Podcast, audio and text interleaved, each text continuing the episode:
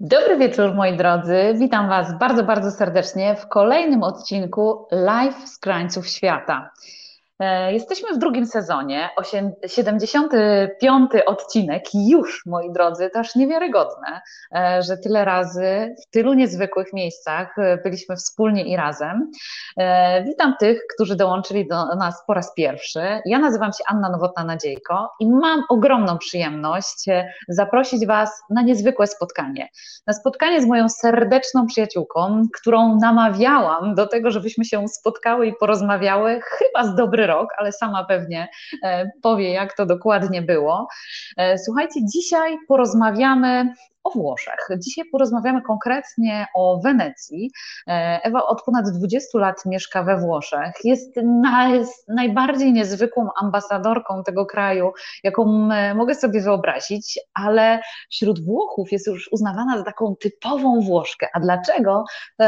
To dowiecie się, myślę, z naszej rozmowy. A więc, moi drodzy, Zabieram Was dzisiaj w podróż e, do niegdysiejszej morskiej i handlowej e, potęgi Morza Śródziemnego, e, właśnie do Wenecji. Ja nazywam się Anna Nowotna-Nadziejko i jestem właścicielką butikowego biura podróży, które specjalizuje się w organizacji wyjazdów Incentive właśnie na krańce świata.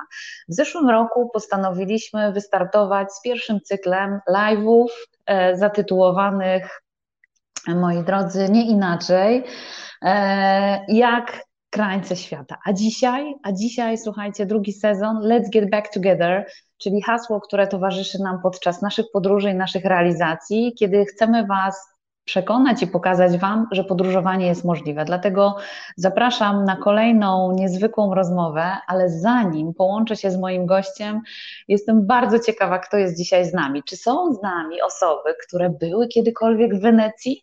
Czy jesteście dzisiaj z nami, bo chcecie się dowiedzieć, czy jest to właśnie dla Was ciekawy pomysł na wypad weekendowy, a może troszkę dłuższy, a może i nawet teraz jeszcze weekendowy, yy, wakacyjny, ponieważ trwają wakacje, jesteśmy w samym sercu e, lipca. E, niektórzy z Was szukają jeszcze pomysłów, może nam uda się dzisiaj podczas rozmowy razem z Ewą zainspirować Was do tego, żebyście zaglądnęli właśnie do Włoch.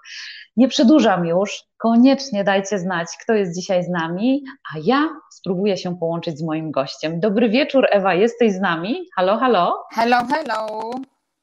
Jestem, Cześć. jestem. Witam, Cześć. Witam wszystkich. Witam Cię bardzo serdecznie. Słuchaj, zobaczymy, kto tu z naszych gości się wita. Wita się Marcin i mówi nam dobry wieczór. Jest i Grażynka. Proszę, była w Wenecji pięć razy. Super. Mojej ilości pobytów w Wenecji jeszcze moja droga nie pobiłaś, ale jesteś pewnie blisko. Ewcia wie, że e, dla mnie Wenecja to takie wyjątkowe miejsce na mapie świata.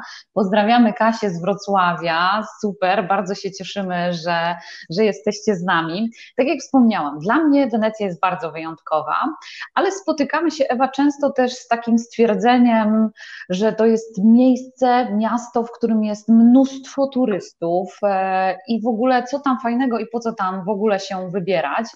Chciałabym, żebyśmy w trakcie dzisiejszej rozmowy opowiedziały o tej takiej naszej Wenecji, o tej takim magicznym miejscu, e, zresztą miejscu, które wybrałaś sobie na, na, na swoje, swój dom, swój, swój drugi dom, bo chyba chociaż kawałek Twojego serca bije cały czas w Polsce, prawda?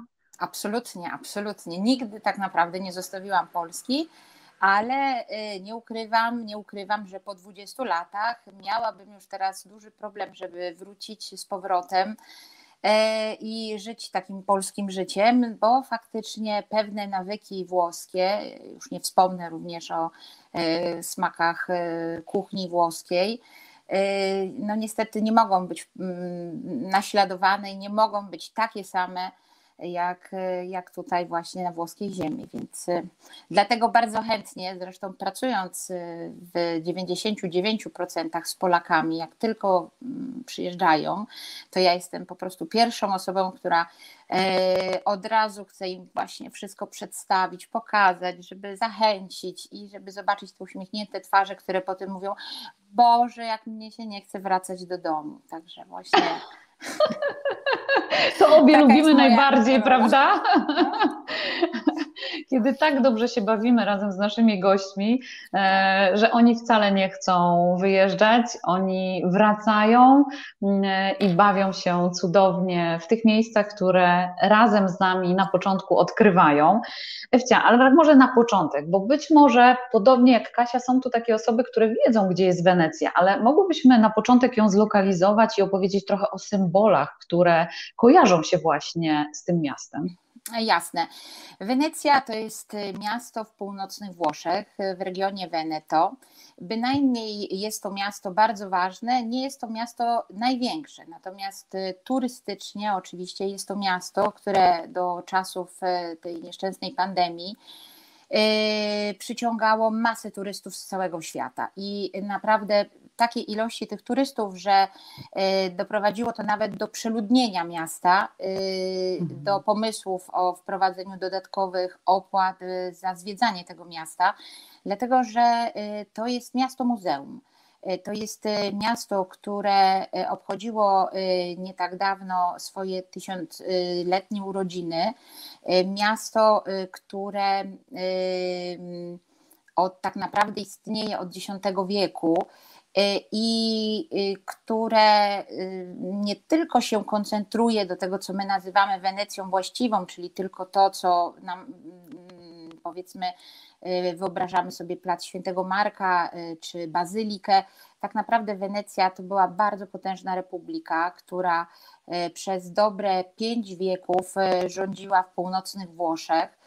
I stąd też, jak nawet jesteście kochani w innych miastach, a widzicie skrzydlatego lwa, na przykład w Weronie, to jest właśnie symbol tejże republiki, która nazywała się Najjaśniejsza, Republika Serenissima. E, oprócz tegoż właśnie skrzydlatego lwa, który jest nomen omen nawet symbolem jednego z bardziej znanych towarzystw ubezpieczeniowych, niektórzy myślę, że chyba wiedzą o kim mówię, e, to jest oczywiście e, symbolem miasta Święty Teodor, patron Wenecji, zanim Wenecja stworzyła sobie swojego patrona, mianowicie świętego Marka.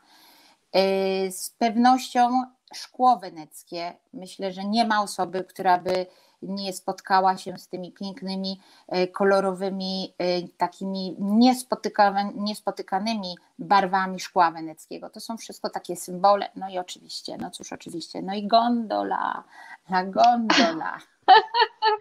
To Takiej prawda. nie ma nigdzie. Wiesz, wiesz, Ewunia, co ja zrobiłam? Zapowiadając naszą rozmowę, zapytałam naszych widzów e, i na Facebooku, i, i na Instagramie, e, właśnie z jakimi symbolami kojarzy im się Wenecja, to powiem Ci szczerze, że pojawił, pojawiły się jeszcze maski i karnawał, e, A, ale... Oczywiście no, ale powiem Ci, że te gondole i taki romantyczny rejs przewijał się chyba najczęściej, więc to jest takie pierwsze skojarzenie. Myślisz o romantycznym weekendzie? Może Wenecja i gondole? No, ja, ja, myślę, że Wenecja y, to jest takie miasto, które jak właśnie ta maska wenecka y, ma dwa oblicza. E, jedno mhm. oblicze to jest to oblicze e, bardzo turystyczne, e, takie oblicze, gdzie wpadamy do tego miasta, mamy 4 godziny, to jest bardzo mało, żeby poznać Wenecję. To jest bardzo mało, żeby poczuć jej atmosferę, smak. No ale szybko lecimy, bo potem następne miasto, następny punkt programu. Ja zawsze mówię, kochani, czasami warto może coś z tego programu bardzo takiego napiętego wykreślić, aby właśnie pobyć i poczuć atmosferę, ale żeby poczuć tą atmosferę, to trzeba się zatopić, trzeba się zgubić w tych uliczkach, żeby się odnaleźć. E, trzeba e, pochodzić e, po tych właśnie dzielnicach, które są mniej znane niż centralne, właśnie San Marco, gdzie praktycznie turyści dochodzą tam i potem mówią, no i co dalej? No i dalej. Dalej to jest wszystko, właśnie dalej to jest ta prawdziwa Wenecja, a już nie ukrywam, że usiąść w takiej prawdziwej włoskiej cichetterii e, i napić się kieliszek wina, e, które Wenecjanie nazywają ombra, czyli skoczyć sobie na cienia, e, kochani, no, tego naprawdę nie da się opisać. To trzeba przeżyć. Wspomniałaś o winie, do wina wrócimy, ponieważ my mamy taką bardzo ciekawą wspólną przygodę związaną z winem i z regionem Veneto, ale to sobie zostawię jako cream de la cream. Ewunia, są pewnie osoby, które się zastanawiają, ja osobiście nie, bo ja to odkryłam, ale chciałabym, żebyś Ty o tym opowiedziała.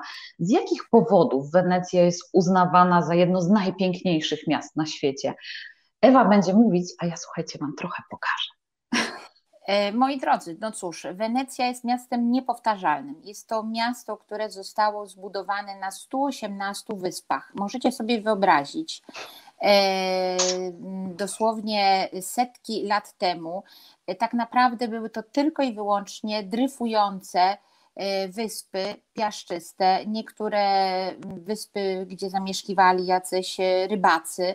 I tak naprawdę na tychże właśnie wyspach, e, bardziej e, z powodów obronnych, e, nagle pojawia się konstrukcja, ale weźmy pod uwagę, że na terenie obecnej Wenecji nie rosły nigdy lasy, więc wyobraźcie sobie, kochani, że aby zbudować Wenecję, mieszkańcy, pra-pra mieszkańcy, pierwsi historyczni mieszkańcy, E, wycięli praktycznie cały las w Cansilio, to jest e, przednóże e, Dolomitów, gdzie teraz obecnie sterczą takie łyse górki, a całe drzewa, które praktycznie w tym porastały, stworzyły obecną Wenecję. E, następnie Wenecja została, te wyspy zostały połączone ze sobą i zostały połączone właśnie mostami. Tych mostów jest teraz bardzo dużo, ale oczywiście najstarszy most, który króluje w całej Wenecji, to jest most Rialto z dzielnicy Rivo Alto. E, całą arterią Wenecji jest Canale Grande, czyli główny kanał, który jak gdyby dzieli miasto na dwie główne części, jak widać zresztą na tych wspaniałych slajdach. E, zachody słońca, moi drodzy, w Wenecji e, i wschody słońca jest, e, są niepowtarzalne, gdyż z jednej strony widać przepiękną taflę morza, a z drugiej strony widać szczyty Dolomitów. Także Wenecja ma też i swoje usytuowanie bardzo charakterystyczne i jest, jest miastem, gdzie to jest tak, jak by się zapytał, e, po co wchodzić do Luwru. Do Wenecji nie należy patrzeć na to, że, że, że trzeba zwiedzić konkretne muzeum. Są oczywiście muzea. Wenecja sama w sobie jest muzeum. To tylko trzeba znaleźć to, co tak naprawdę nas samych interesuje w tej Wenecji. A z pewnością każdy znajdzie coś dla siebie. No właśnie, a chciałam Cię zapytać, czy jest coś takiego jak top ten w Wenecji, które warto zobaczyć, bo co do jednej, jednego faktu jesteśmy zgodne.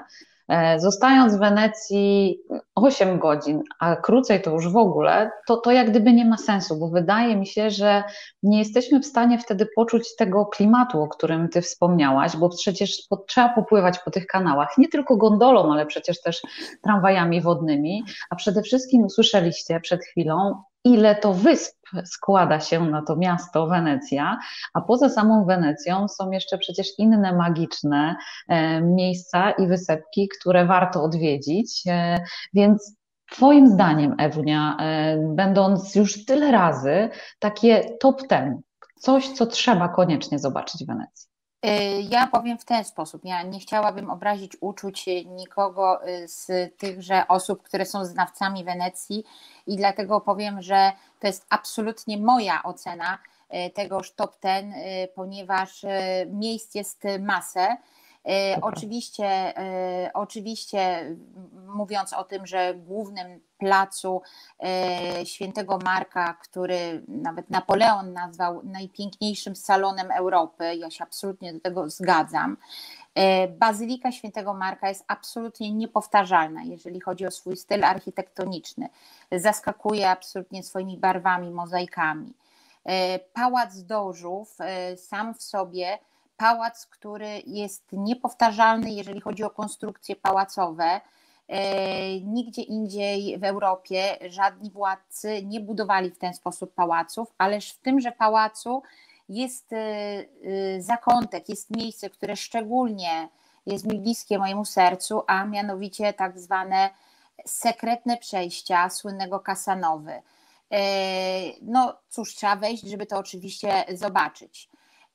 Muzeum Guggenheim, Muzeum Sztuki, które być może nie każdy zawsze miał czas odwiedzić, ale bardzo ważne, ważne, warto zresztą zwiedzić, zresztą właścicielka, założycielka tego muzeum, e, pokochała Wenecję, została w Wenecji e, i część swojego życia zadedykowała Wenecji. E, schody Bowoli, kręte schody, które prowadzą na wieżę, do dziś nie wiadomo, jak konstrukcyjnie zostało to ogarnięte w momencie, kiedy zostały one praktycznie konstruowane. Oczywiście most Rialto. Y, most Westchnień nie wspomnę, bo ten most Westchnień opisywał nasz słowacki, w związku z powyższym e, dzięki naszemu polskiemu poecie w Wenecji mamy most, y, który e, nosi taką właśnie nazwę. E, zresztą wielu polskich e, i artystów, i poetów, e, i pisarzy, szczególnie kiedy Polska była pod zaborami, mieszkali w Wenecji, Wenecja ich inspirowała. Wracając, kochani, do tego top ten, oddaliłabym się troszeczkę i przejechałabym właśnie w, kierunek, w kierunku wyspy. Mamy tutaj należącą do Wenecji wyspę świętego Franciszka E, na zesłaniu, tak to można powiedzieć, na pustyniu, czy na pustelni, e, San Francesco del Deserto. Jest to, słuchajcie, kościół franciszkański, który został założony właśnie po pobycie świętego Franciszka, który się udawał do Asyżu. E, jest wyspa Madzorbo, gdzie od kilku lat produkuje się, wznowiono produkcję szczepu, który był uprawiany właśnie za czasów doży weneckiego, czyli e, wracamy jak gdyby do korzeni. Są to takie miejsca, gdzie e, właśnie no należy zostać dłużej niż te 2-3 godziny, aby podjechać, aby zobaczyć e, kolorowe wyspy takie jak Murano czy Burano. Piękne. Dużo można by było wymieniać. Myślę, że, że te, które powiedziałam, to są tak najbliższe mojemu sercu miejsca.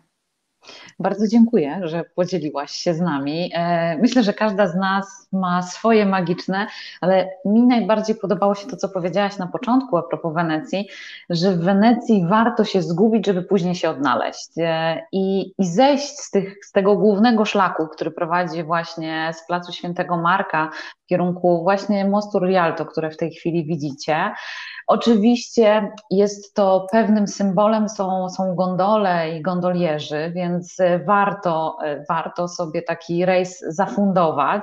Właśnie, a tak z ciekawości, Ewa, orientacyjny koszt takiego przepłynięcia się gondolą, bo chcecie zapytać, w jaki sposób w ogóle najlepiej się poruszać po Wenecji. E, no, jeśli pytasz o koszty, to sprecyzuj pytanie. Przed pandemią czy po pandemii? No dobrze, czyli teraz jest drożej, czy jest taniej? Jak to wygląda? E, czyli e, słuchajcie, no generalnie pandemia spowodowała coś, czego ja nigdy nie myślałam, że doświadczę. Ja zawsze narzekałam na tłumy turystów, zawsze, zawsze kiedy gdziekolwiek trzeba było coś w tej Wenecji załatwić, czy nawet y, poprowadzić grupę. Y, Boże, ja mówiłam zawsze, ileż tutaj tego, tych ludzi, czekamy, żeby zrobić sobie zdjęcie przed mostem westchnień, czekamy na Rialto. I nagle w okresie pandemii to miasto zostało absolutnie wyludnione. E, było takie smutne. Było to miasto, gdzie wszyscy mówili: Oj, ty masz teraz tam fajnie, teraz tam jest tak pusto. Nie, to było tragiczne. To jest po prostu szok. Wenecja bez turystów, bez was nie istnieje. E, Wenecja sama to była tak jak taki opuszczony dom. E, I ci gondolierzy, którzy biedni tak siedzieli właśnie na tych schodkach, i już właściwie im się też nawet nie chciało, ale no cóż, no taka ich praca. Rano wychodzili, żeby cokolwiek i cokolwiek, gdziekolwiek zarobić. Więc teraz powoli to się wszystko budzi. Ludzie wracają, jest ruch. No właśnie, są turyści we Włoszech. Powiedz, są jak to jest, bo my przecież jako Polacy kochamy Włochy. Są Polacy we Włoszech. Słuchajcie, po Włochach są Polacy. Jesteśmy drugim narodem, który jest we Włoszech. Naprawdę mówię zupełnie serio, e, również w miasteczkach turystycznych, które normalnie e, były zawsze pełne Austriaków, Niemców, głównie, no bo to sąsiedzi, więc jasna sprawa, że mają najbliżej, poza tym Austriacy nie mają morza, więc jasne, że, że wypełniają tłumnie tutaj te miejscowości, to właśnie kolejną nacją są Polacy. Jestem super dumna. W ogóle, gdzie teraz nie pójdę, to patrzę y, z, z, głową podniesioną do góry i mówię, widzicie, gdzie y, diabła nie poślą, to Polaka przyślą, czy coś takiego. Było jakieś takie przysłowie kiedyś. Nie, gdzie to było z kobietą. Chyba z kobietą, że w każdym razie gondola, bo o tym żeśmy mówili. Gondola przed pandemią kosztowała w zależności od trasy, ale mniej więcej koszt takiej 30-minutowej trasy wahał się w granicach 140 euro e, mhm. za całą taką gondolę. E, w czasie pandemii można było za 50 euro zrobić taką smutną trasę, ale ta smutna trasa absolutnie E, również, e, że tak powiem, oddawała powagę i smutek całego otoczenia, więc szczerze powiedziawszy, chętnych na tę gondolę specjalnie nie było. A teraz powoli, powoli wracamy do normalności. Wenecja jako miasto nie jest przeludnione, więc jest to super okres, żeby nawet teraz przyjechać do Wenecji. Niekoniecznie zatrzymywać się w nadmorskich miejscowościach, bo one są z kolei przeludnione, e, ale zatrzymać się gdzieś w bliskiej okolicy, w miasteczkach, które są również perełkami, też należą oczywiście do wielkiej metropolii, powiedzmy weneckiej. Jest takie miasteczko jak Treviso, jest miasteczko jak Oderco, no dużo by wymieniać. Słuchajcie, we Włoszech jest to wspaniałe, że gdziekolwiek człowiek nie pójdzie, do jakiejkolwiek, w cudzysłowie mówię teraz, dziury nie wiedzie i nagle staje, patrzy, mówi tak, o rany, jaka wspaniała architektura, jaki piękny kościół. Ojej, i w ogóle jest takie wow. No właśnie, to są Włochy. Dlatego, słuchajcie, powiem Wam taki sekret. Uwielbiam z Ewą pracować, bo tam właśnie gdziekolwiek ona nas zabiera, to zawsze jest właśnie ten efekt, a to jest cudowne, bo po to właśnie realizujemy cudowne projekty. A my kochamy Włochy i zimą, i kochamy je latem, i lubimy je wiosną i jesienią, ponieważ e, jakbym ja miała powiedzieć, właśnie, e, było jedno pytanie od e, naszych widzów i chciałabym Ci je zadać. Ja odpowiedziałam ze swojej perspektywy. Jaki jest najlepszy czas, żeby pojechać i zobaczyć Wenecję? Z mojej perspektywy albo wiosna, albo jesień. Chociaż nie uważam, że lato jest złym momentem, bo ja też lubię latem pojechać do Wenecji. Ja powiem tak, miesiącem najsmutniejszym w Wenecji jest listopad E, ale spotkałam się z takimi opiniami, że w tym listopadzie to jest tak wspaniale, bo jest mroczno, bo ta mgła, która rano tak wisi nad tymi kanałami i ten deszcz taki angielski, który pada. No i w sumie może coś w tym jest, prawda?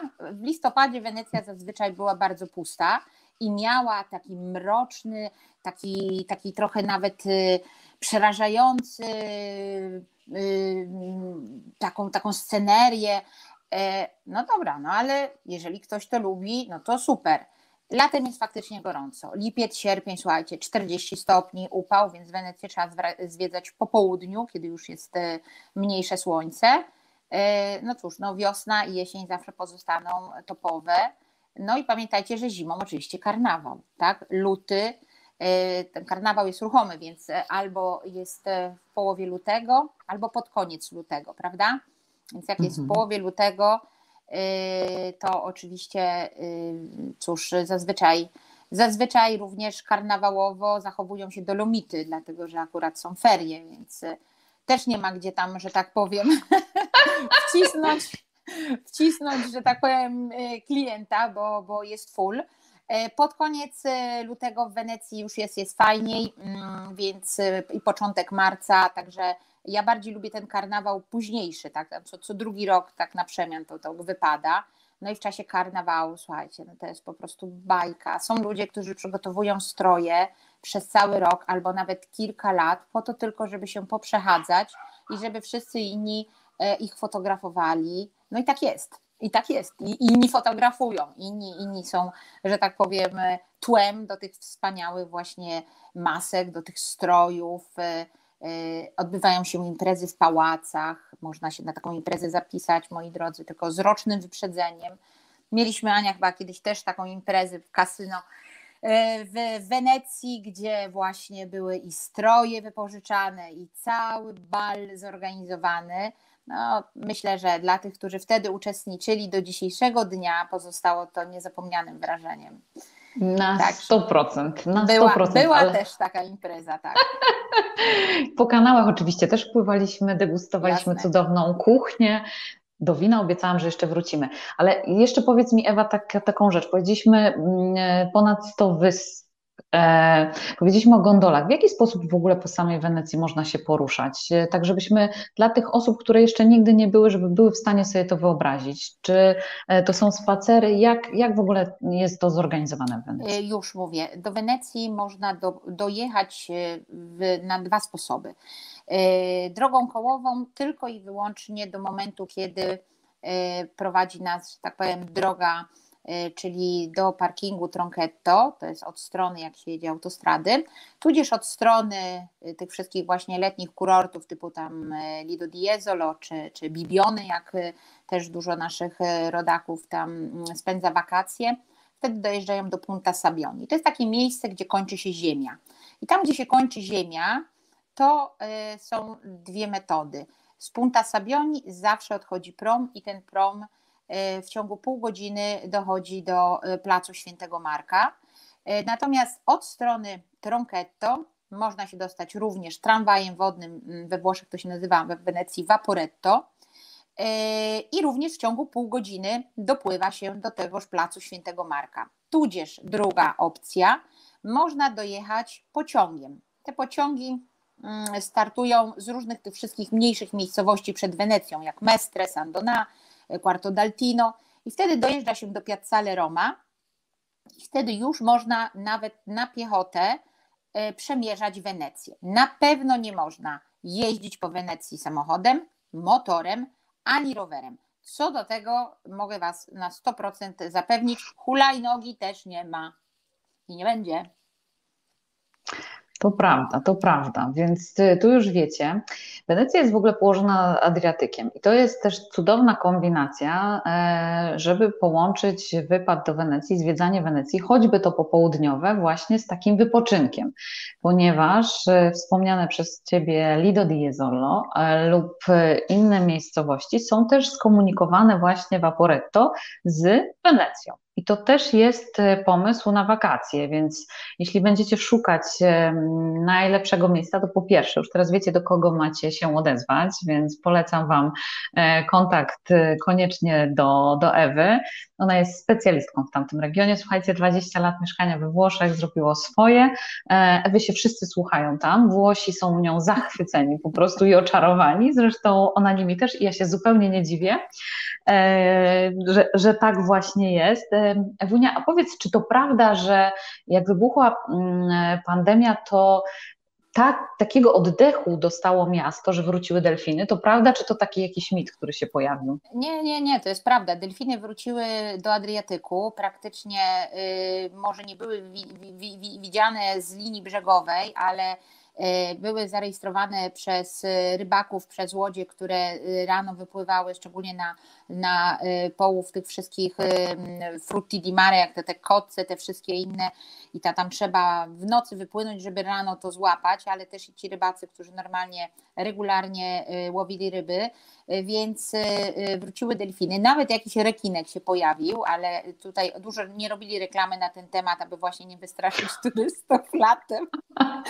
I zaraz po pandemii, żeby nie było historii, prawda? Shark 1, Shark 2. Natomiast jeżeli chodzi o y, Wenecję, słuchajcie, woda w kanałach się tak niesamowicie przeczyściła, że tak czystej wody, przezroczystej wody, żeby było widać dna kanałów, e, jak żyją Wenecjanie, to takiej nie widzieli.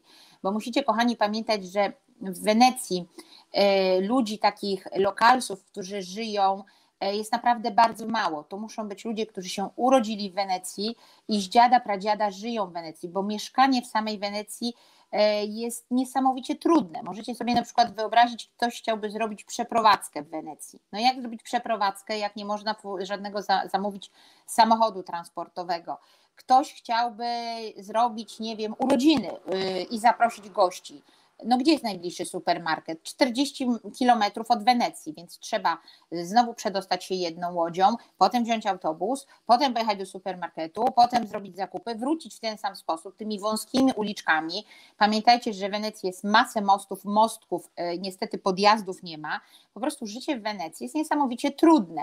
Do momentu, kiedy nie zafunkcjonowała ta tama, która po, Boże kochany, ile oni lat budowali, ze 40 lat tą tamę budowali, i dzięki Bogu zafunkcjonowała, bo jeśli nie, to mielibyśmy jeszcze w zeszłym roku e, kolejną powódź w Wenecji. E, ocieplenie klimatu powoduje, że woda w kanałach się podnosi, woda podnosi się w lagunie i automatycznie pływy morskie jak gdyby wpychają tą wodę i w momencie, kiedy jest właśnie sztorm i, i wysoka fala na morzu, to automatycznie Wenecja jest zalewana.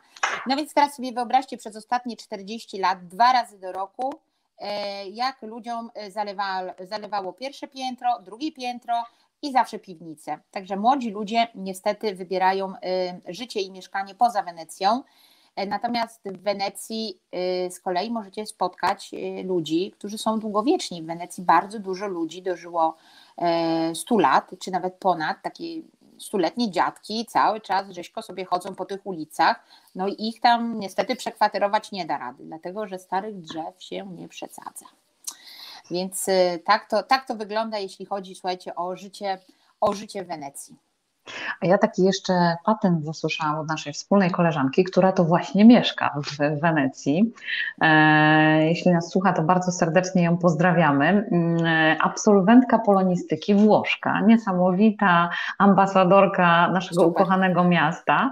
E, I ona mi kiedyś powiedziała, że jak się mieszka w Wenecji, to raczej się nie kupuje szpilek, tylko, bo, bo szpilki możecie mieć, wiecie, w różnej wysokości obcasa, tylko w Wenecji kupuje się kalosze różnej wysokości, w zależności od pory roku. Ewa, czy to prawda?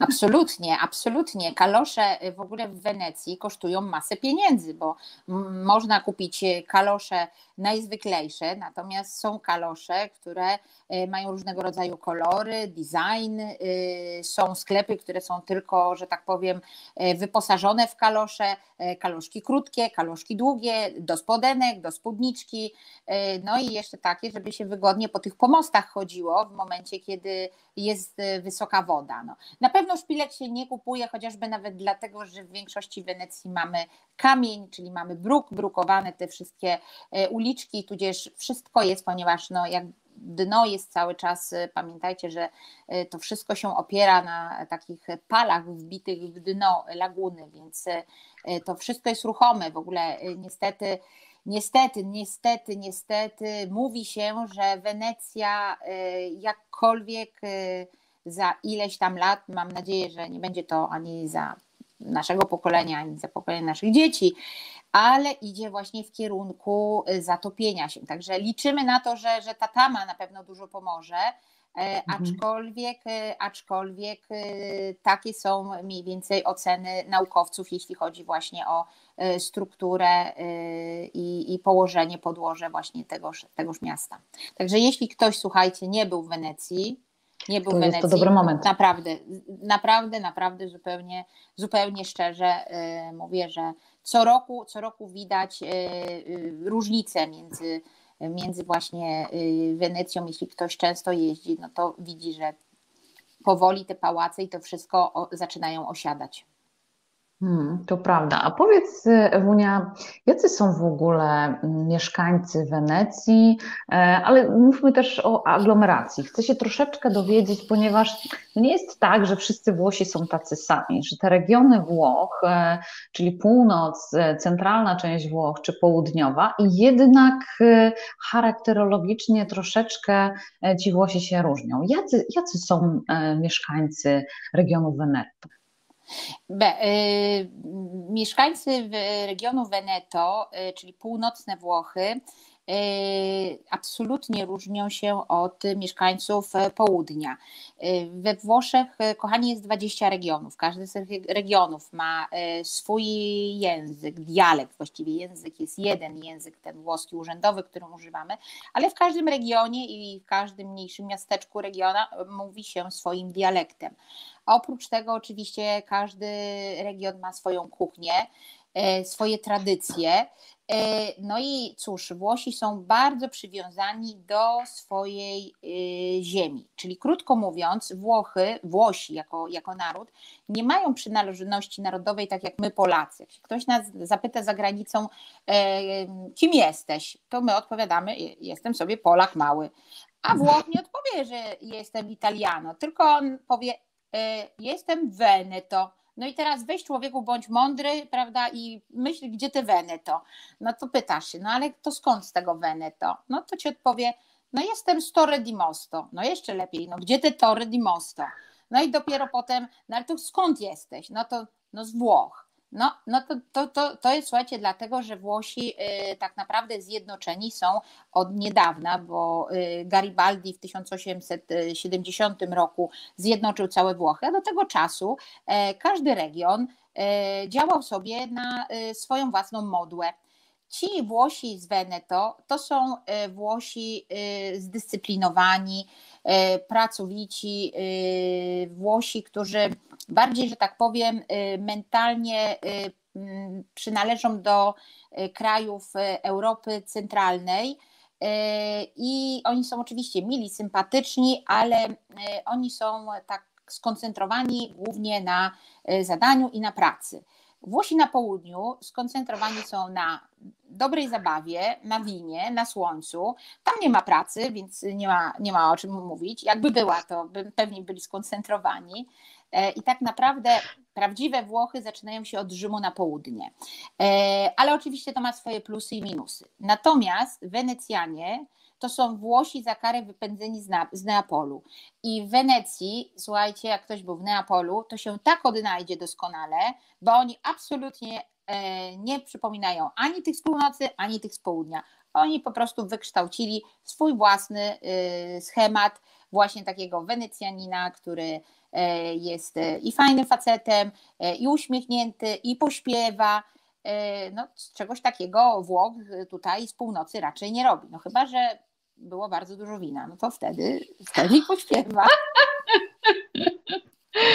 My tak widzę, płynnie, płynnie przechodzimy do kulinariów, bo jest to, ja zawsze powtarzam, część e, kultury, część, którą trzeba poznać, wybierając się w dane miejsce, bo to nie tylko zabytki, które nas otaczają, ale i to także kuchnia, e, którą trzeba spróbować. E, chyba nie ma nikogo z nami dzisiaj, poprawcie mnie, jeśli się mylę, kto nie lubi kuchni włoskiej, kto jej nie zna, kto nie próbuje zrobić w domu e, jakiejś dobrej pasty, makaronu czy pizzy. E, no ale niestety to, to, to, to, to coś, co mają Włosi w sobie, sprawia, że to jedzenie jest w ogóle niesamowite. I zanim do, przejdziemy do kuchni i do tego, jakie są charakterystyczne, typowe potrawy, których możemy skosztować i których powinniśmy, Twoim zdaniem, Ewunia, spróbować, e, to myślę, że to dobry pomysł, taki nawiązujący nasze pytanie konkursowe. Co Ty na to? E, musimy troszeczkę tutaj Was, słuchajcie, poruszyć do działania. A, tak, tak, więc tak. mamy przygotowane pytanie konkursowe. Ja pokazuję nagrodę, a Ewcia zadaje pytanie. Tak, to tak właśnie żeśmy myśleli, jak takie pytanie konkursowe, które byłoby związane z naszym tematem, czyli i Włochy, i Wenecja. Więc y, moi drodzy, y, pytanie jest następujące. Który ze znanych podróżników przywiózł do Włoch recepturę na lody? Trudne? Mm. Mm, mm, mm. Mm, ciekawe. Ja jestem bardzo ciekawa, czy to trudne pytanie, czy nie trudne, ale takie nawiązujące do tematu, o którym będziemy teraz właśnie rozmawiać, czyli kuchni, a zaraz po kuchni musimy coś wspomnieć o winie, bo region Veneto też stoi winem. Tak, tak, tak. Veneto najwięcej spożywa e, wina e, w skali całych Włoch, także oprócz tego, że o, produkcja jest e, też bardzo spora, to i spożycie też jest bardzo duże. Pewnie zalicza się też do tego ilość turystów, która tu przyjeżdża i te wino spożywa. Pewnie razie, tak. Faktycznie, jak się przyjeżdża do Włoch, e, to e, Nawet nie piwo, bo te piwo nie jest jakoś tam specjalne, ale wino. No ale miałyśmy mówić o jedzeniu. O jedzeniu, tak. Ania, tak. mówisz generalnie mm, typowym, takim włoskim, ogólnie włoskim, czy y, typowym dla, dla Wenecji? Bo to też jest, że tak powiem. Ja jestem ciekawa o tym typowym dla Wenecji. Jak gdyby jak jedziemy mm, w dane miejsce, to często zastanawiamy się, co jest takiego charakterystycznego, co, czego warto, żebyśmy spróbowali? Czy są jakieś takie właśnie przysmaki lokalne, czy to właśnie jest tak, że w całych Włoszech jest pasta i w ogóle nic więcej? Absolutnie w całych Włoszech jest pasta. Y, ta pasta w tychże regionach różni się y, dodatkami, sosami, różni się składnikami, powiedzmy. Pomyślcie sobie, że sami Włosi nie wiedzą, ile jest ilości i rodzajów pasty. No bo pasta, to u nas się wydaje, że pasta to jest coś do posmarowania, natomiast dla tych, którzy nie wiedzą, to my nazywamy to za nią pasta, ale czy Włosi nazywają pasta, ale chodzi nam o różnorodność makaronów. Także E, mówimy o makaronach, które są z, różne, z różnymi sosami. Natomiast e, e, Wenecja ma oczywiście swoją kuchnię lokalną. Kuchnia wenecka oparta jest, jak zresztą wszystkie tradycyjne kuchnie, na składnikach bardzo ekonomicznych, które kiedyś były po prostu najtańsze. Taką, taką charakterystyczną dla Wenecji potrawą E, to jest e, polenta. Polenta to jest nic innego jak e, kasza, taka kasza, jak ja to mówię, mama łyga, kasza manna, tyle tylko, że ona jest podawana albo właśnie w stanie takim płynnym, albo jest podawana, podawana w takim stanie jak gdyby sprasowanym. I ta polenta zastępowała i do dzisiejszego dnia dla osób starszych zastępuje pieczywo, chleb, którego nie było, e, nie rosło tutaj e, dużo jęczmienia czy żyta, natomiast bardzo dużo kukurydzy. I z racji, że tej kukurydzy było masę, no więc właśnie stworzyli właśnie taką, e, taką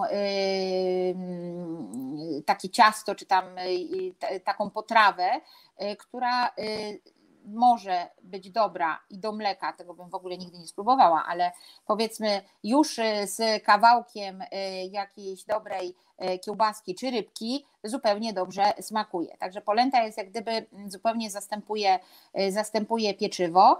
Stąd też Włosi, którzy mieszkają na północy, przez tych Włochów, co obrażają ich ciągle tam na południu, ciągle się z nich śmieją, to ci z południa tak o nich też mówią tak, haha, śmiesznie mówią polentoni, polentoni jesteście, bo tą polentę ciągle jedzą, prawda? Więc teraz już wiecie, co to jest ta polenta, bo to często gęsto jedziemy na narty czy gdzieś i tak, albo to żółte, albo białe i to tak właśnie wygląda jak taka, jak taka mama łyga, jak taka kasza. Yy, I tak do końca my nie wiemy, bo my w Polsce czegoś takiego yy, po prostu nie, nie mamy, nie jemy. Yy, słuchajcie, sardynki. Najtańsza ryba, jaka jest, oni tutaj te sardynki robią właśnie Y, marynują z cebulką i z rodzynkami i to się nazywają sardy in saor. To samo robią z krewetkami, ale krewetki już to dla tych bogatych. Sardynki dla tych, którzy, których, że tak powiem, ekonomicznie na krewetki nie stać. Wspaniałe danie na zimno jako przystawka. E, zimą, słuchajcie, jedzą natomiast zupę fasolową, ale taką zupę fasolową, że łyżka tam w niej staje. I do tego jeszcze dodają cebulę i polewają octem balsamicznym i to się nazywa pasta mm. fagioli.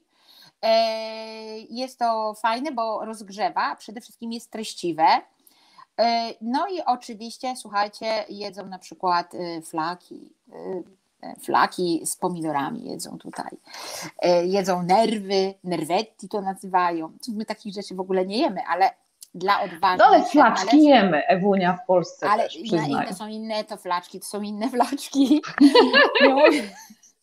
E, słuchajcie, w każdym razie w Wenecji charakterystyczne jest to, że w każdych barach, takich nieturystycznych, tylko takich dla lokalsów, e, serwuje się cicchetti. Cicchetti to jest nic innego, tylko malutkie takie kanapeczki, które są z różnego rodzaju przysmaczkami. I takie, Ania, taki tour, cicketterie też znamy, prawda?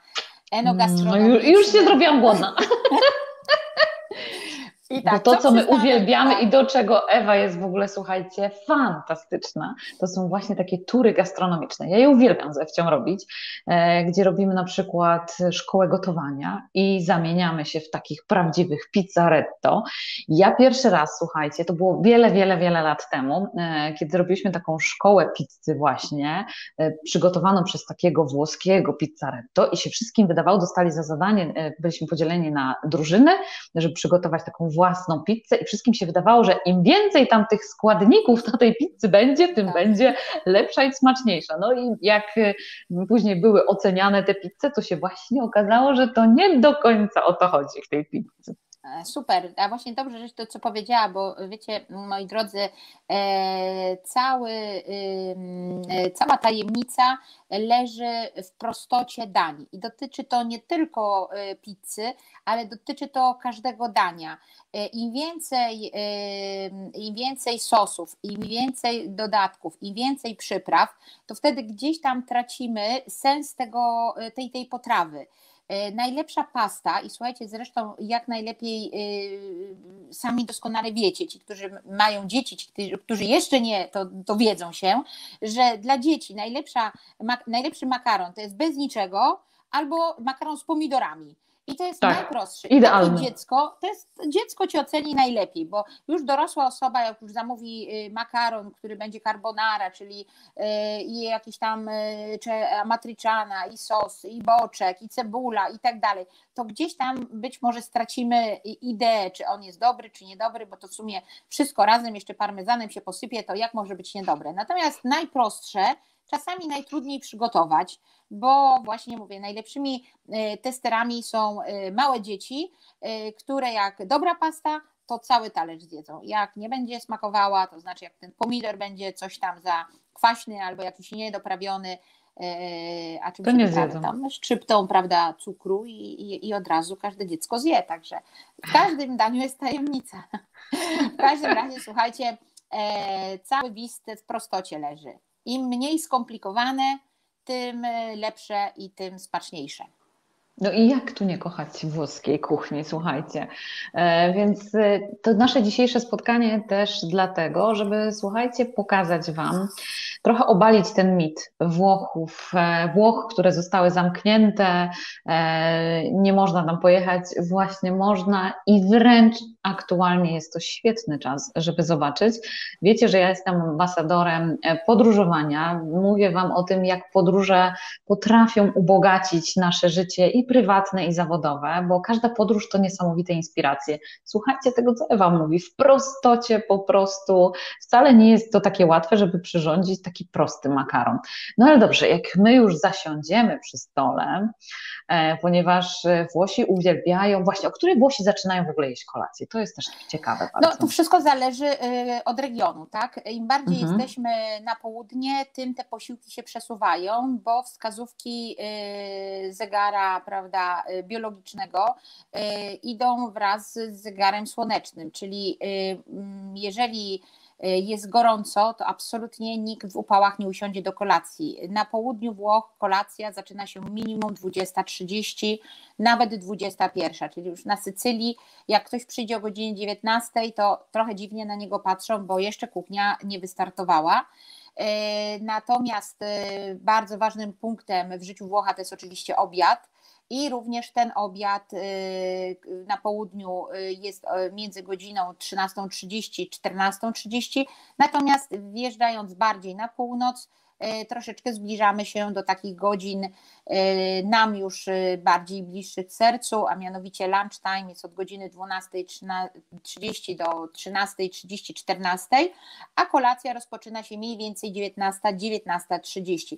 No mówię, związane jest to głównie z promieniami słońca. Pamiętajcie, że nadal we Włoszech jest siesta, to nie jest nic innego, tylko po prostu odpoczynek po jedzeniu, a przede wszystkim chodzi o to, żeby E, uchronić się e, przed słońcem, no, które jakkolwiek od kilku już ładnych lat co roku jest bardziej intensywne, e, stąd też piękną porą, jeśli ktoś może, porą urlopową jest wrzesień, październik. To są przepiękne pory na wyjazdy do Włoch. Od razu mi na myśl przyszła Toskania, Ania.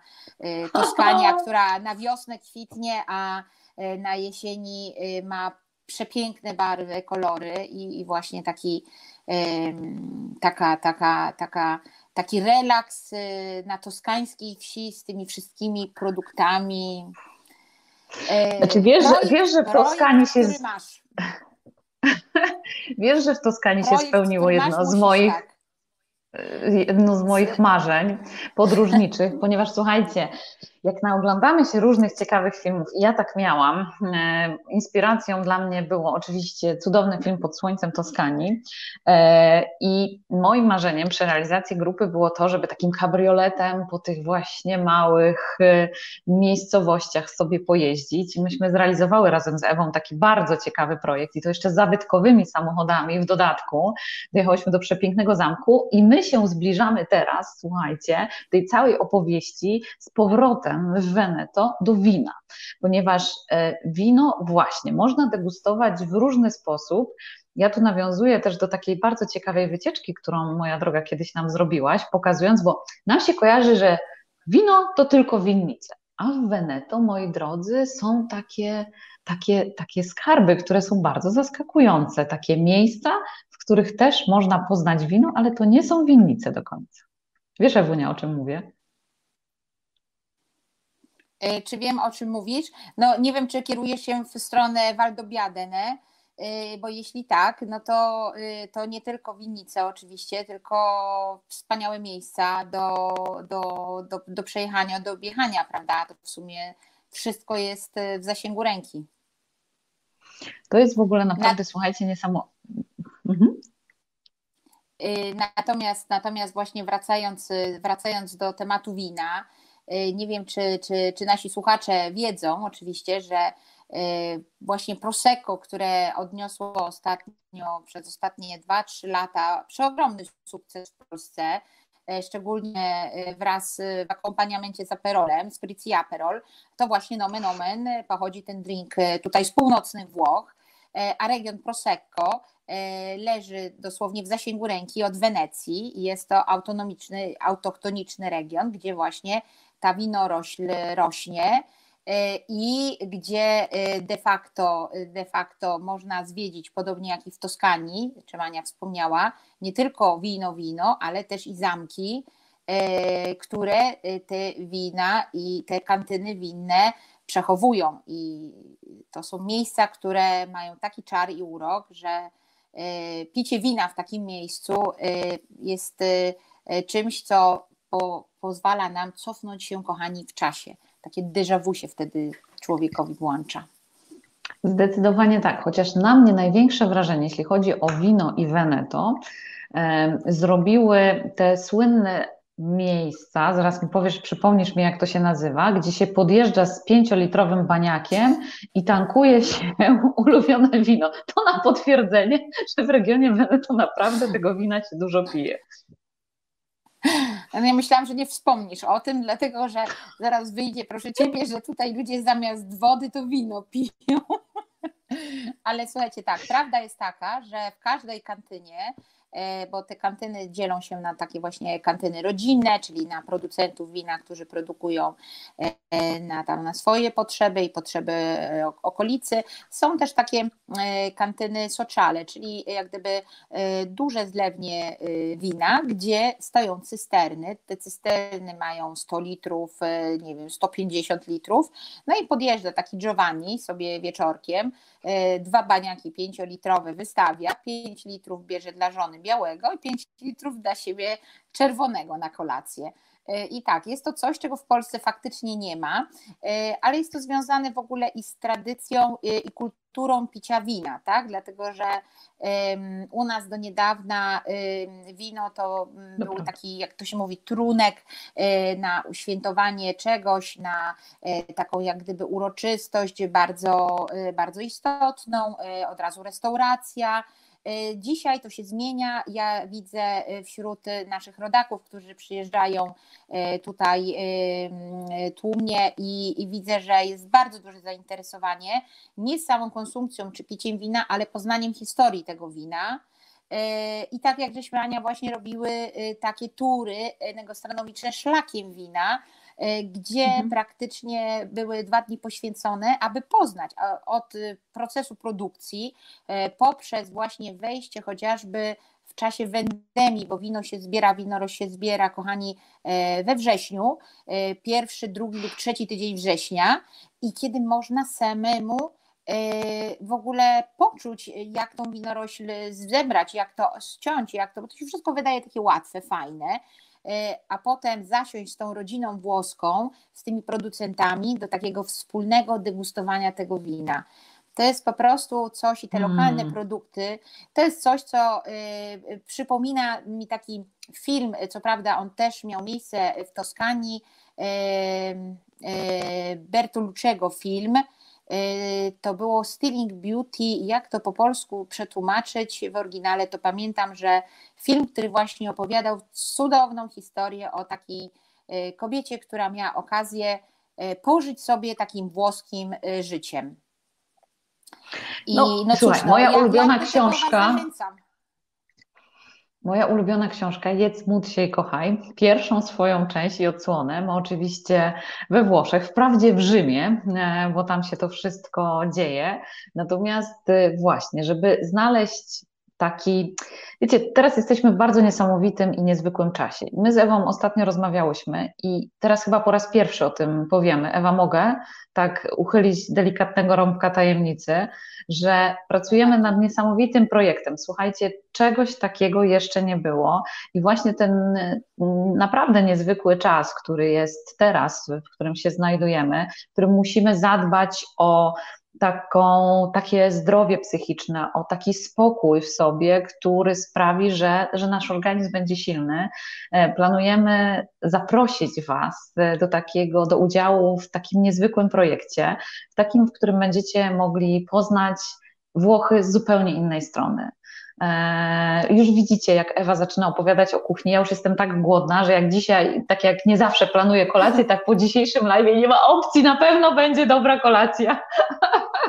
Kochanie, szykuj się, już niedługo wracam. Więc to na 100 tysięcy procent więc będziemy chciały Was e, zaprosić. Ewa, e, ja bym chciała, żebyśmy po pierwsze rozstrzygnęły nasz konkurs i zobaczyły, jak tam nasi widzowie sobie poradzili e, z pytaniem konkursowym, które brzmiało, jakbyś była uprzejma jeszcze raz powtórzyć. Który podróżnik przywiózł do Włoch receptę na lody?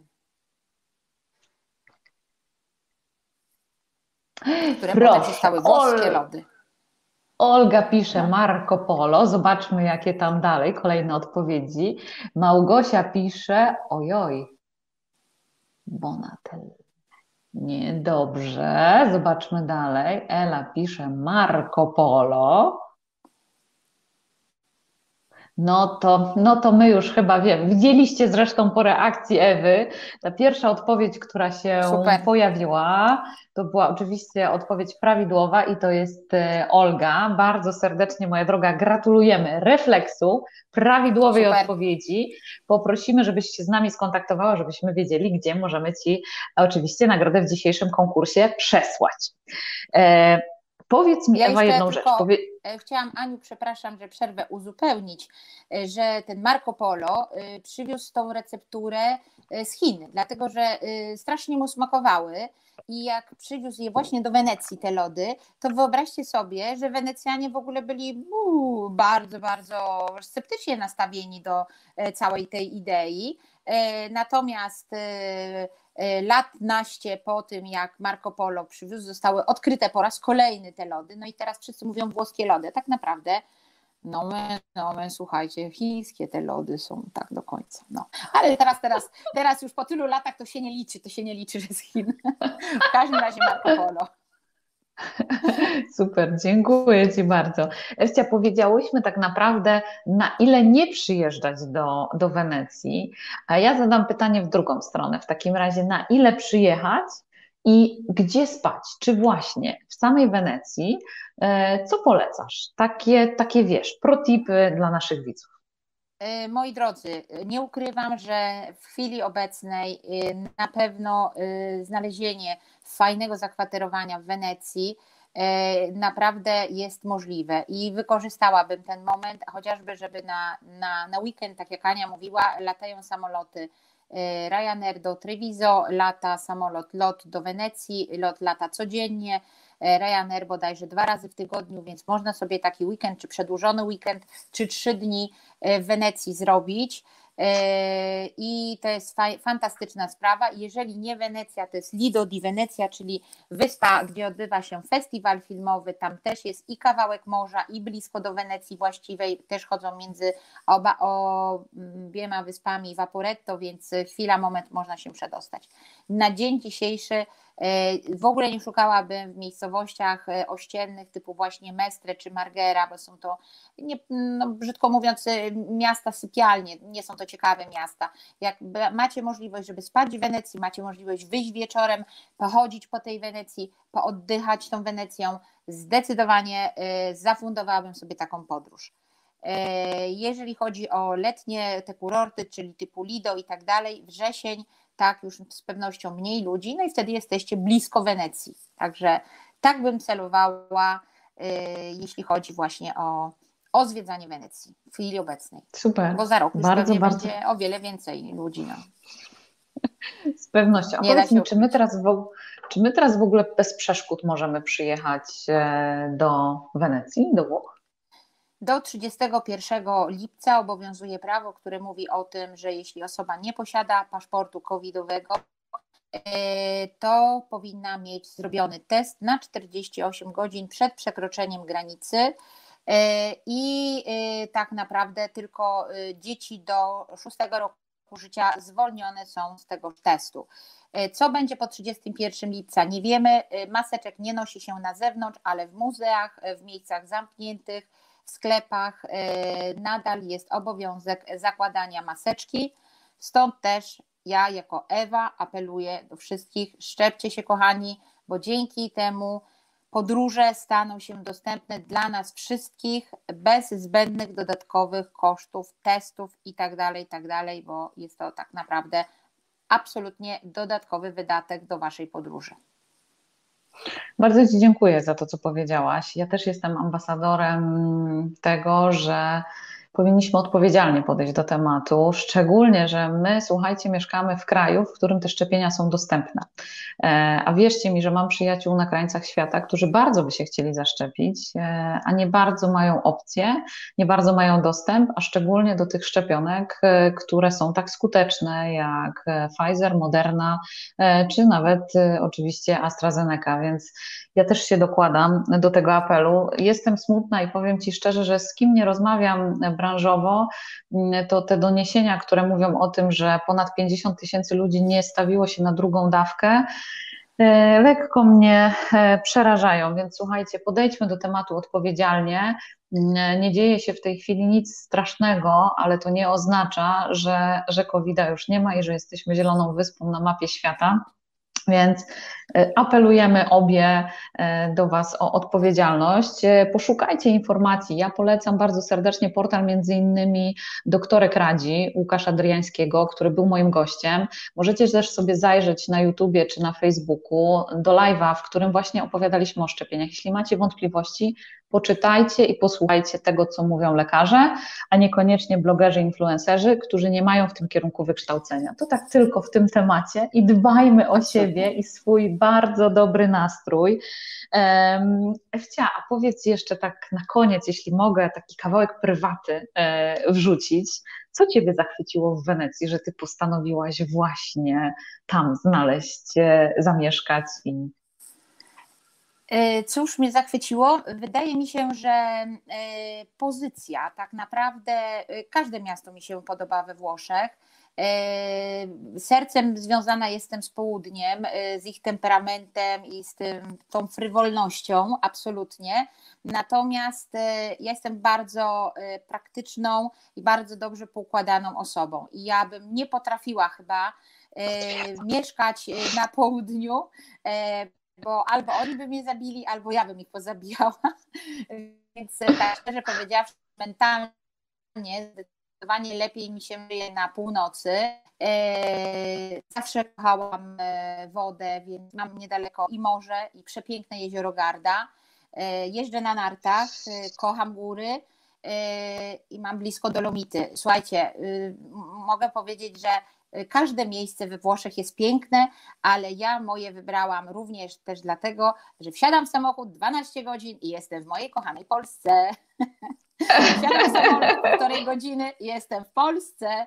Także jeżeli chodzi o pozycję, o miejsce, E, jest to dla mnie idealne miejsce do życia. Aczkolwiek pozdrawiam wszystkich Polaków, którzy mieszkają we Włoszech, w każdym innym miejscu i na pewno jestem przekonana, że też będą bronili swojego miejsca i będą mówili, że ich miejsce jest najcudowniejsze. Ja się z tym zgadzam całkowicie. A wy, kochani, przyjeżdżajcie do Włoch. E, I ten projekt Ani śledźcie bardzo, że tak powiem, czynnie, bo Toskanie na pewno zrobimy na jesieni już, prawda? Tak, tak, tak, tak, słuchajcie, a skoro zapowiedziałyśmy, wy to słyszeliście, to my to po prostu zrobimy. Więc e, zapraszamy bardzo serdecznie do tego, żebyście rzucali okiem na naszą stronę, a jak będziecie się wybierać do Włoch i będziecie się zastanawiali, gdzie spać, e, jakie miejsca warto odwiedzić, e, lub też posłuchali bardzo ciekawych opowieści przy butelce wina, lub też przy jakiejś dobrej paście, to pamiętajcie, że najlepszym adresem, do którego trzeba się koniecznie odezwać, to Ewa Kalinowska, e, która była dzisiaj moim gościem, moja bardzo serdeczna przyjaciółka, która, z którą mam tyle cudownych i magicznych wspomnień e, z eksplorowania Włoch i my się nie zatrzymałyśmy tylko na północy, aczkolwiek e, Wenecja zajmuje w moim sercu naprawdę bardzo szczególne miejsce. Uwielbiam się zgubić. Jest wiele takich dzielnic, które są z dala od placu Świętego Marka. Uwielbiam wysepki, o których Ewa wspomniała, Murano, Burano i właśnie moim patentem na szukanie noclegu, takiego przepięknego, niezwykłego, e, to jest właśnie Lido di Venezia, gdzie macie z jednej strony Adriatyk, więc można, słuchajcie, dwa w jednym, poza zwiedzaniem, można też cudownie odpocząć, e, fantastyczne miejsce. E, cóż, z tego miejsca bardzo, bardzo serdecznie Wam dziękuję za to, że byliście dzisiaj z nami. Słuchajcie, w komentarzu napiszcie, czy po naszej rozmowie to Wy do Wenecji się wybieracie, czy nie, czy jeszcze. Tak, czy jest jeszcze potrzebna kolejna rozmowa, bo my z Ewą możemy Wam jeszcze opowiedzieć. Słuchajcie, na pewno zostanie nam Toskania, do której wrócimy i opowiemy o naszych cudownych projektach. E, więc e, na pewno nas jeszcze zobaczycie i usłyszycie. Ja zapraszam Was oczywiście na live za tydzień, we wtorek o godzinie 20. Śledźcie nasz profil na Facebooku, na YouTubie i na Instagramie i na pewno e, zabiorę Was w kolejne ciekawe bardzo miejsce z niezwykłymi ludźmi, których chciałabym, żebyście poznali, bo dzięki temu wiecie, w jaki sposób my jako biuro pracujemy, z kim pracujemy, co jest dla nas ważne, a jak widzicie, samych cudownych ludzi mamy wokół siebie. Ewunia, bardzo serdecznie Ci dziękuję. Dziękuję również Tobie, Aniu, i dziękuję wszystkim tym, którzy poświęcili dzisiaj godzinkę, aby nas posłuchać i obejrzeć. Pozdrawiam serdecznie. Dziękujemy, do zobaczenia.